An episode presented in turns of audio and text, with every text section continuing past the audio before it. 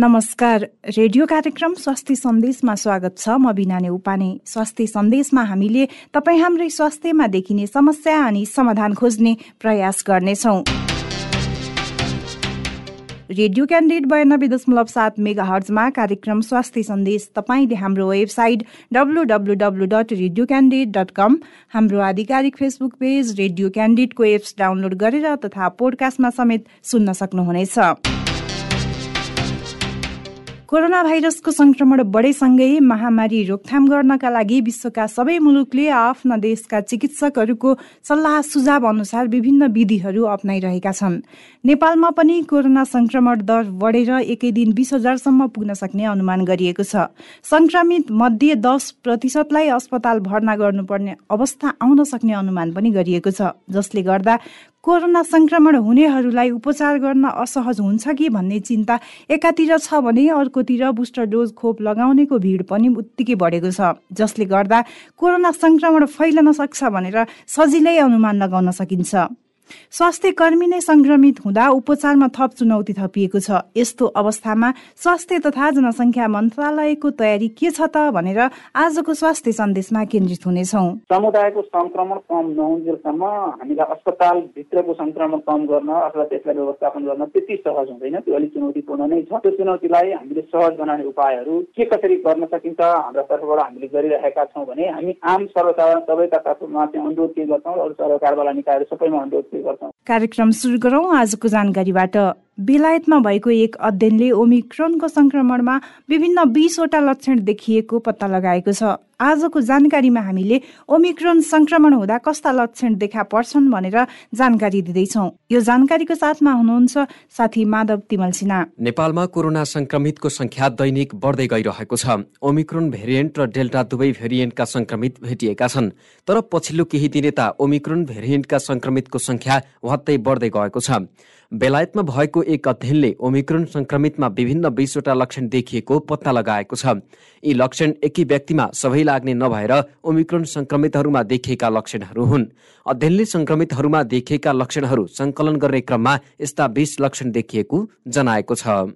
टाउको दुख्ने नाकबाट पानी बग्ने थकाई हाछिउ घाँटी खसखस हुने खोकी लाग्ने कर्कस आवाज जाडो लाग्ने वा शरीर काँप्ने ज्वरो रिङ्गटा लाग्ने मस्तिष्कमा सामान्य असर जस्तै केही कुरा भुल्ने एकाग्र नहुने सुग्ने क्षमतामा फरक आँखामा दुखाइ मांसपेशीमा दुखाइ छाती दुख्ने भोक नलाग्ने स्वाद हराउने कमजोरी श्वास प्रश्वासमा समस्या छालामा डबर तथा दाग देखिने।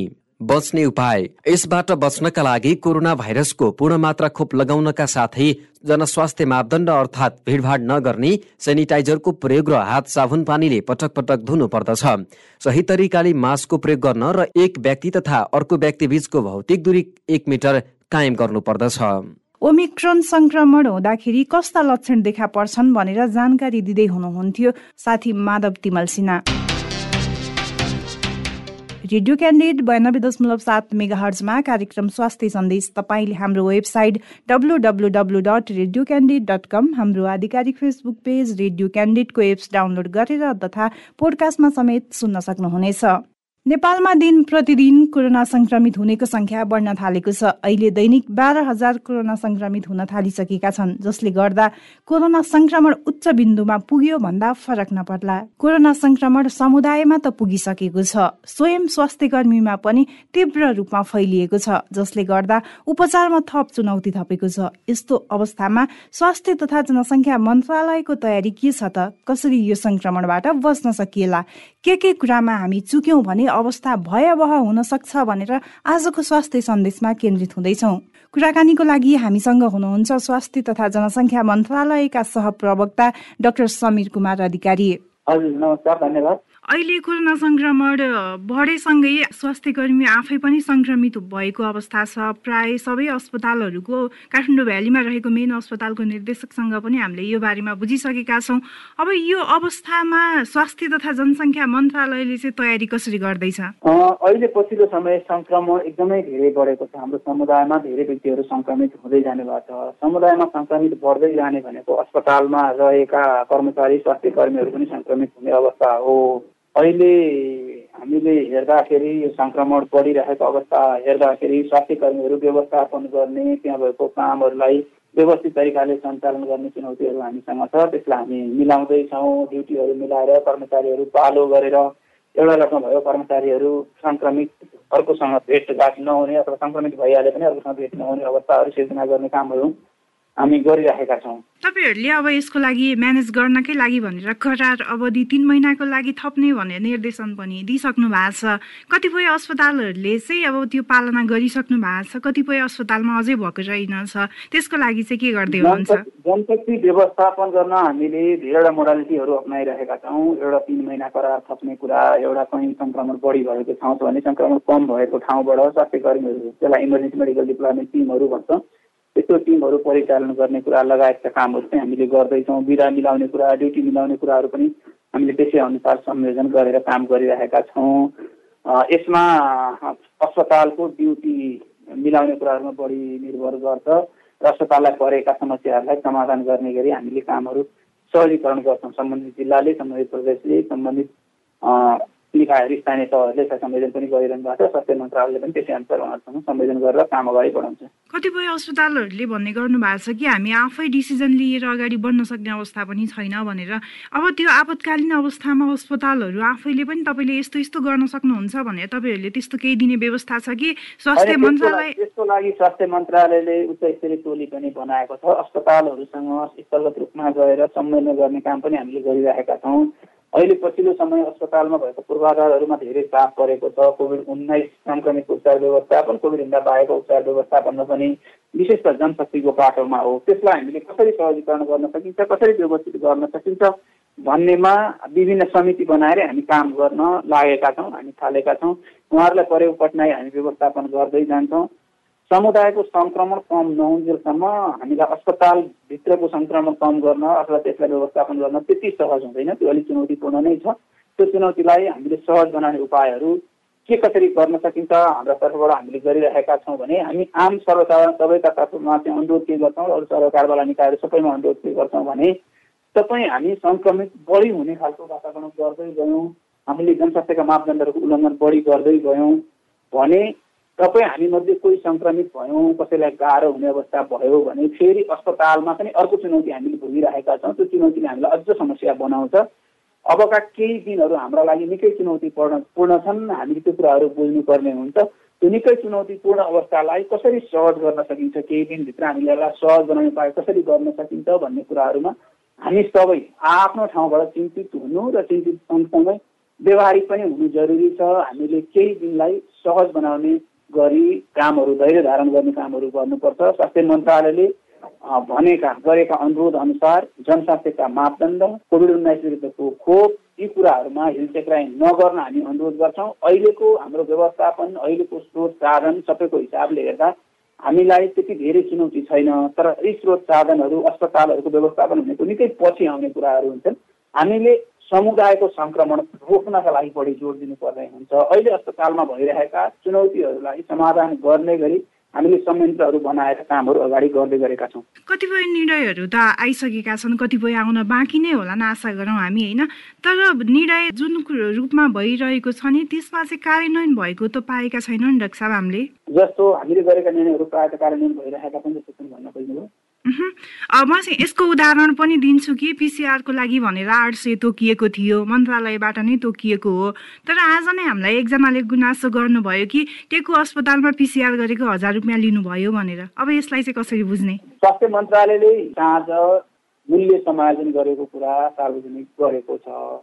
सरकारी प्रयोगशालाहरूमा सरकारले तोकेका मापदण्ड अनुसारका सबै व्यक्तिहरूको निशुल्क हुने व्यवस्था गरिएको छ। कोभिड उन्नाइस सङ्क्रमणको लक्षण भएका विदेशबाट आउनुभएका अथवा सामुदायिक आउनु भएर त्यो नाकाहरू प्रवेश गर्दा नाकाहरूमा परीक्षणहरू गर्ने कुराहरू निशुल्क गरिएको छ। सामूहिक परीक्षण गर्ने सन्दर्भमा ती ठाउँहरूमा हामीले निशुल्क गरेका छौँ। स्थानीय तहहरूले कन्ट्याक्ट ट्रेसिङ गर्ने सन्दर्भमा निशुल्क गर्ने व्यवस्था गरिएको छ। त्यस्तै सरकारी अस्पतालहरूमा सशुल्क परीक्षण गर्नुपर्ने व्यक्तिहरूको हकमा पहिला कायम रहेको हजार रुपियाँ दरलाई पिसिआरको दरलाई अहिले आठ सय कायम गरिएको छ। यो दर हिजो साँझ सार्वजनिक गरिएको छ। यस अनुसारको अस्पतालहरूले निर्णय गरेर आजबाटै कार्यान्वयनमा ल्याउनु पर्ने हो। कतिपय अस्पतालहरूमा निर्णय प्रक्रियाको कारणले पनि ढिलो भएको हुनसक्छ। तपाईँले जानकारी गराउनु भएको विषयमा हाम्रो ध्यान गएको छ। हामी त्यसलाई हेर्छौँ। त्यसै अनुसार व्यवस्थापन गर्छौँ। मन्त्रालयले गरेको निर्णयको सन्दर्भमा त्यस्तो समस्या हुँदैन किनभने परीक्षणका लागि चाहिने सामग्रीहरू व्यवस्थापन गर्ने कुराहरू सरकारका निकायहरूले नै गरिरहेका हुन्छन्। त्यसमा तपाईँ हामीले नै व्यवस्थापन गर्ने भएको हुनाले त्यो धेरै चुनौती हुने विषय हुँदैन। त्यस्तो खालको गुनासोहरू छन् भने स्वास्थ्य मन्त्रालयको हटलाइन नम्बरहरूमा सम्बन्धित सरकारी स्वास्थ्य संस्थाहरूका नम्बरहरूमा त्यहाँको आधिकारिक निकायहरूमा जानकारी गराइदिनु भने चाँडो हामीले त्यसको समाधान निकाल्न पनि सक्छौँ। पक्कै पनि। तपाईँले भने जस्तै अब यो जुन नीति नियम लागू भइसकेको छ तपाईँहरूले निर्णय गरिसक्नु भएको छ त्यो कार्यान्वयनमा चाँडै आओस् भन्ने आशा गरौँ। यस्ता कमी कमजोरीलाई औँल्याउने काम हामीबाट पनि भइहाल्छ। मैले यसैमा खोपको कुरा पनि जोडिहालेँ। अहिले प्राय काठमाडौँको जुन जुन केन्द्र तोकिएको छ खोप लगाउनको लागि भनेर त्यो अवस्था त्यहाँ हे गएर हेर्ने हो भने त्यहाँबाट कोरोना एकदम सङ्क्रमण धेरै फैलिन्छ भनेर सजिलै भन्न सकिन्छ क्या। त्यसको लागि चाहिँ अब कसरी म्यानेज गर्न सकिन्छ? स्वास्थ्य मन्त्रालयले केही सोचेको छ रक्षा सम्बन्धी? होइन हामीले खोप केन्द्रहरू विस्तार गर्ने कुराहरूमा हामी लागिरहेका छौँ। खोप थप केन्द्रहरू विस्तार गरेर सर्वसाधारणलाई सहज हुने उपायहरू हामीले गरि पनि राखेका छौँ। हामी एकैचोटि अहिले सबैले खोप लाउनु पर्ने अवस्था त पक्कै हुँदैन। हामीले क्रमशः खोप लाउँदै जानुपर्छ। हामीले वर्ग अनुसार कति खोप लगाउनुपर्छ कति मानिसहरू हुनुहुन्छ भन्ने कुराहरू क्यालकुलेसन गरेर खोपहरू पठाएका हुन्छौँ। जनशक्तिहरू पनि पठाएका हुन्छौँ। अब समुदायमा सङ्क्रमणको दर तीव्र हुँदै जाँदा अब खोप लगाउन जाने व्यक्तिहरू पनि सर्वसाधारणहरूले पनि हामीले जनस्वास्थ्यका मापदण्ड पालना गर्न सकेनौँ। खोप केन्द्रहरूमा भएको व्यवस्थापकीय पक्षबाट पनि त्यो पालना हुने व्यवस्थाहरू हुन सकेन भने पक्कै पनि खोप केन्द्रबाटै सङ्क्रमण हुने अवस्था हुन्छ। अर्को सङ्क्रमण फैलिँदै जाँदा खोप केन्द्रहरू धेरै विस्तार गर्न पनि स्वास्थ्य कर्मीहरू नै सङ्क्रमित भइरहेको अवस्थामा त्यो अर्को चुनौतीपूर्ण पनि हुँदो रहेछ। त्यसलाई पनि हामीले ठाउँ अनुसारको के के गर्न सकिन्छ भनेर व्यवस्थापन गर्दै लिएर गएका छौँ। यसलाई हाम्रो हरेक जिल्लामा खोप समन्वय समितिहरू छन्। उहाँहरूले हरेक स्थानीय तहहरूसँग संयोजन गरेर व्यवस्थापन गर्ने काम गर्नुभएको छ। मन्त्रालयबाट अनुगमन गर्ने त्यसलाई सहजीकरण गर्ने काम पनि निरन्तर चलिरहेको छ। व्यवस्थापन गर्ने कामहरू भइरहेको छ। हामी अहिले पछिल्लो समय कोभिड उन्नाइस सङ्क्रमणको गति तीव्र हुनु र माघ सातपछि कोभिड उन्नाइस विरुद्ध खोप लगाएको कार्ड अनिवार्य लिएर हिँड्नुपर्ने कहीँ पनि जाँदा भन्ने कुरा भएपछि खोप लगाउन जानेहरूको सङ्ख्या पछिल्लो समय धेरै बढेको छ। यसलाई हामी व्यवस्थित गर्दै सहज बनाउँदै जानेमा प्रयासरत छौँ। पक्कै पनि अहिले जुन अवस्थामा खोप लगाउनेहरूको भिडभाड बढेको छ यो कम होस् भन्ने आशा गरौँ। तपाईँहरूले खोप केन्द्रहरू पनि अझै विस्तार गर्नुहुनेछ होला। समुदाय स्तरमा त पुगिसकेको छ समुदाय स्तरमा फैलिसकेको पनि छ। त्योभन्दा पनि बढी चुनौती त स्वास्थ्य कर्मी आफै सङ्क्रमित भएर आइसोलेसनमा हुनुभएको छ त्यसले गर्दा पनि बढिरहेको छ। जो आम नागरिक हुनुहुन्छ नि तपाईँहरूले जति पनि यस्तो मापदण्ड स्वास्थ्यको जनस्वास्थ्यको मापदण्डहरू अप्नाउनुहोस् भनेर भनिरहनु भएको छ तर उहाँहरूले चाहिँ मानिरहेको अवस्था छैन। यसको लागि चाहिँ अझ यो समुदाय स्तरमा पुग्न नसकेको भन्न मिल्छ? हामी पहिलो कुरा मैले मास्क लगाउने कुरा मैले गर्नेबाट सुरु गर्नुपर्ने हुन्छ। म भिडमा नजाने म सङ्क्रमित नहुने कुरा मैले गर्न गर्नुपर्छ भन्ने कुराहरू सुरु हुनुपर्छ। त्यसपछि हामीले एक अर्कालाई हाम्रो टोलमा सुरक्षित राख्ने उपायहरू हामीले सुरु गर्नुपर्ने हुन्छ। सरकारले गर्ने उपायहरू टोलसम्मको परिचालन गर्ने सन्दर्भमा विभिन्न निर्देशिकाहरू त्यसका लागि विभिन्न गाइडलाइनहरू बनाएर सार्वजनिक पनि गरेको छ त्यो बुझाउने काम पनि गरिएको छ। सङ्क्रमणबाट जोगिनु किन महत्त्व छ यसले के असर गर्छ भन्ने कुराहरू हामीले बुझेर त्यसै अनुसार व्यवहार गर्नुपर्छ। यसलाई सहजीकरण गर्न सरकारका निकायहरू लागिरहनु भएको छ। तपाईँ हामी लाग्न जरुरी छ। जबसम्म तपाईँ हामी लाग्दैनौँ तबसम्म कुनै पनि निकाय लागेको भरले कुनै पनि सरकारी निकायले गरेको भरले सबै समस्या समाधान गर्न त गाह्रो हुन्छ। पक्कै पनि हाम्रो तर्फबाट गर्नुपर्ने काम हामीबाट भएको नै छ। त्यो पनि दैनिक रूपमा नै हामीले गरिरहेकै छौँ। अब यति बेला जति पनि हामीलाई स्वास्थ्य सन्देश सुनेर बसिरहनु भएको छ नि उहाँहरूलाई चाहिँ कोरोना सङ्क्रमण नहोस् भनेर जोगिनको लागि चाहिँ के के सुझाव दिनुहुन्छ? हामी सबैलाई के अनुरोध गर्छौँ भने हामी अहिले एउटा अप्ठ्यारो अवस्थामा छौँ। हामी महामारीको निकै चुनौतीपूर्ण अवस्थामा छौँ। यो महामारीले कुनै वर्ग कुनै ओहदा कुनै पेसा कुनै व्यक्ति कसैलाई छुट्याउँदैन यसले त्यसरी चिनेको हुँदैन। यो भाइरसले सबैलाई मान्छे एउटा एउटा व्यक्ति हो भनेरै चिन्छ। यो कुरामा हामी स्पष्ट हुनुपर्छ। यसमा सबैले आफ्नो ठाउँबाट कामहरू गरिरहेका छौँ सबैले मेहनत गरेका छौँ आफ्नो ठाउँबाट। तर म सङ्क्रमित हुनबाट जोगिन मैले सुरुवात गर्नुपर्छ मैले अलिक बढी सतर्क सजग हुनुपर्छ अलिक सतर्क हुनुपर्छ मेरो परिवारलाई जोगाउन म अलिक बढी सजग हुनुपर्छ भन्ने कुराबाट हामी सुरुवात गऱ्यौँ भने अहिले परेको यो चुनौती जिम्मेवारीमा रहेका व्यक्तिहरूलाई पनि धेरै चुनौती छ हामी व्यक्तिलाई पनि चुनौती छ स्वास्थ्य संस्थाहरूलाई पनि चुनौती छ किनभने यो ठुलो महामारी हो विश्वव्यापी महामारी हो चुनौतीपूर्ण अवस्थामा हामी सबैको साथ सहयोग चाहिन्छ। सङ्क्रमण रोकथाम नियन्त्रण भन्दा अर्को बुद्धिमानी उपाय कुनै पनि हुँदैन। सङ्क्रमण रोकथाम नियन्त्रण गर्न मैले के गर्न सक्छु मेरो भूमिका के हुन्छ भन्नेबाट हामीले सुरु गऱ्यौँ भने अरू कुरा हामीले आफ्नो बसमा ल्याउँदै जान्छौँ। अरू सरकारी निकायहरूले पनि त्यसलाई आवश्यक व्यवस्थापन गर्नुभएको छ सहज हुँदै जाने अवस्था हुन्छ। तर मैले गर्ने भूमिका मैले गर्न सकिनँ भने भिडमा जाने काम मैले बढी गरेँ। मैले मास्क नलगाउने काम गरेँ राम्रोसँग मास्क लगाउने कुरा गरिनँ लगाएको मास्क व्यवस्थापन गर्न सकिनँ हातको सफाइमा ध्यान दिन सकिनँ। मेरो वरिपरि आउने व्यक्तिहरूलाई जनस्वास्थ्यका मापदण्ड पालना गर्न गराउन मैले सकिनँ भने सङ्क्रमणको शिकार म हुन्छु र म वरिपरिकै मानिसहरूमध्ये कोही न कोही जोखिममा जानुहुन्छ। यसरी जानेहरूको सङ्ख्या बढ्दै जाँदा मलाई मेरो परिवारलाई मेरो आफन्तलाई देशलाई मेरो स्थानलाई निकै ठुलो क्षति हुने अवस्था रहन्छ भन्ने कुरा हामीले बुझ्न जरुरी छ। अहिले जति पनि सङ्क्रमण दर बढेको छ नि यो चाहिँ अझ कतिपयले यस्तो अवस्थामा हुनुहुन्छ कि मन्त्रालयको उच्च पदाधिकारीहरूले नै यो सङ्क्रमण यतिसम्म पुग्न सक्छ भनेर भनिदिँदाखेरि यो नागरिकमा चाहिँ अझ धेरै डर बढेको हामीले पाएका छौँ क्या डाक्टर साहब। के भन्नुहुन्छ यसमा चाहिँ? होइन हामी आम सर्वसाधारण डराउनु पर्दैन। हामीले प्राविधिक विश्लेषणका आधारमा तथ्यहरूले देखाएका कुराहरू विभिन्न निकायहरूबाट आएका हुन्छन्। हामीले अफवाह भ्रमहरूको पछाडि लाग्नु हुँदैन। आधिकारिक निकायबाट नआएका कुराहरू हामीले त्यसलाई मनन गर्नु हुँदैन। त्यस्ता कुरा हामीले सुन्न पनि हुँदैन हेर्न पनि हुँदैन पढ्न पनि हुँदैन। त्यसले हामीलाई तनाव मात्रै दिन्छ। आधिकारिक निकायबाट आएको कुराहरू हामीलाई सही सूचनाहरू हुन्छन्। ती सही सूचनाहरू लिने काम हामीले गर्नुपर्ने हुन्छ र सही सूचना सँगसँगै हाम्रो कर्तव्य के हाम्रो जिम्मेवारी के हाम्रो अधिकार के हामीले के गर्ने भन्ने कुराहरू पनि सँगै आएका हुन्छन्। त्यसअनुसार हामीले गऱ्यौँ भने हामीलाई सहज हुन्छ। अहिले साँच्चै भन्यो भने विश्वमै सबैलाई अप्ठ्यारो परेको अवस्था हो। हामीलाई मात्रै होइन तपाईँलाई मात्रै होइन। यो अप्ठ्यारोलाई सहज बनाउने भनेको कसले गर्ने कसरी गर्ने भनेको तपाईँ हामी मिलेरै गर्यो। हामी हाम्रै हातेमालो हाम्रै बुझाइबाटै हुन्छ। हामी आँटिएर डराएर केही हुँदैन। यो महामारी हामीले नियन्त्रणमा लिनैपर्छ यो महामारीभन्दा अगाडि हामी बढ्नै पर्छ। बढ्नका लागि हामीले अहिले सरकारले भनेका कुराहरू पालना गरिदियौँ भने यो धेरै दिन जाँदैन अहिलेको लागि। यो अहिले चुनौतीपूर्ण अवस्था केही हप्ता हामीले अलिकति चुनौतीपूर्ण हुन्छ भनेका छौँ। यो केही हप्तापछि हामी बिस्तारै अलिकति सहज हुने अवस्था हुन्छ। त्यसभन्दा पछिको अवस्था अब हामीले हेर्दै जान्छौँ विश्लेषण गर्दै जान्छौँ हामी जानकारी गराउँदै जान्छौँ। आशा गरौँ हाम्रो सबैको प्रयासले यो अप्ठ्यारो अवस्थाबाट पनि धेरै क्षति नभइकन सहज तरिकाले अगाडि आउन सकिन्छ र भोलिका दिनहरू हाम्रा लागि सामान्य हुँदै जाने अवस्था हुन्छन् भन्ने हिसाबले हामीले सोच्नुपर्छ र हामीले भूमिका पनि त्यसै अनुसार खेल्नुपर्ने हुन्छ। यहाँको महत्त्वपूर्ण समय र जानकारी स्वास्थ्य सन्देशमा आएर राखिदिनु भयो त्यसको लागि धेरै धेरै धन्यवाद। हजुर हस् धन्यवाद नमस्कार।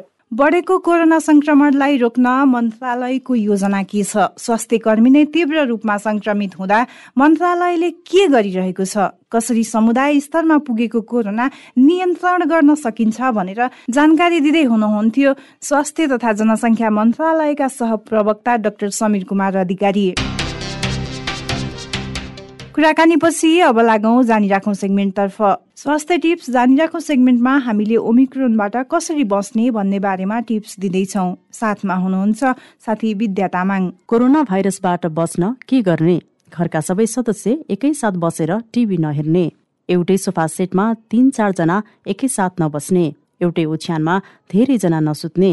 घरको हरेक सदस्यले आआफ्ना छुट्टै तौलिया प्रयोग गर्ने परिवारमा जमघट नगर्ने घरमा पनि सामाजिक दूरी बनाएर बस्ने प्रत्येक एक वा दुई घण्टाको फरकमा साबुन पानीले बिस सेकेन्डसम्म राम्ररी हात धुने यसै गरी केही घण्टाको फरकमा आँखालाई पानीले पखाल्ने स्वास्थ्यवर्धक र पोसिला खानेकुरा खाने झोल पदार्थ र मनतातो पानी बेला बेलामा खाइरहने कुनै औषधि खाने गर्नुभएको छ भने नियमित रूपले सेवन गर्ने। घरका केटाकेटी तथा बुढाबुढीको स्वास्थ्यमा विशेष ध्यान दिने। हाछ्यु गर्दा खोक्दा नाक र मुखमा सफा रुमाल राख्ने।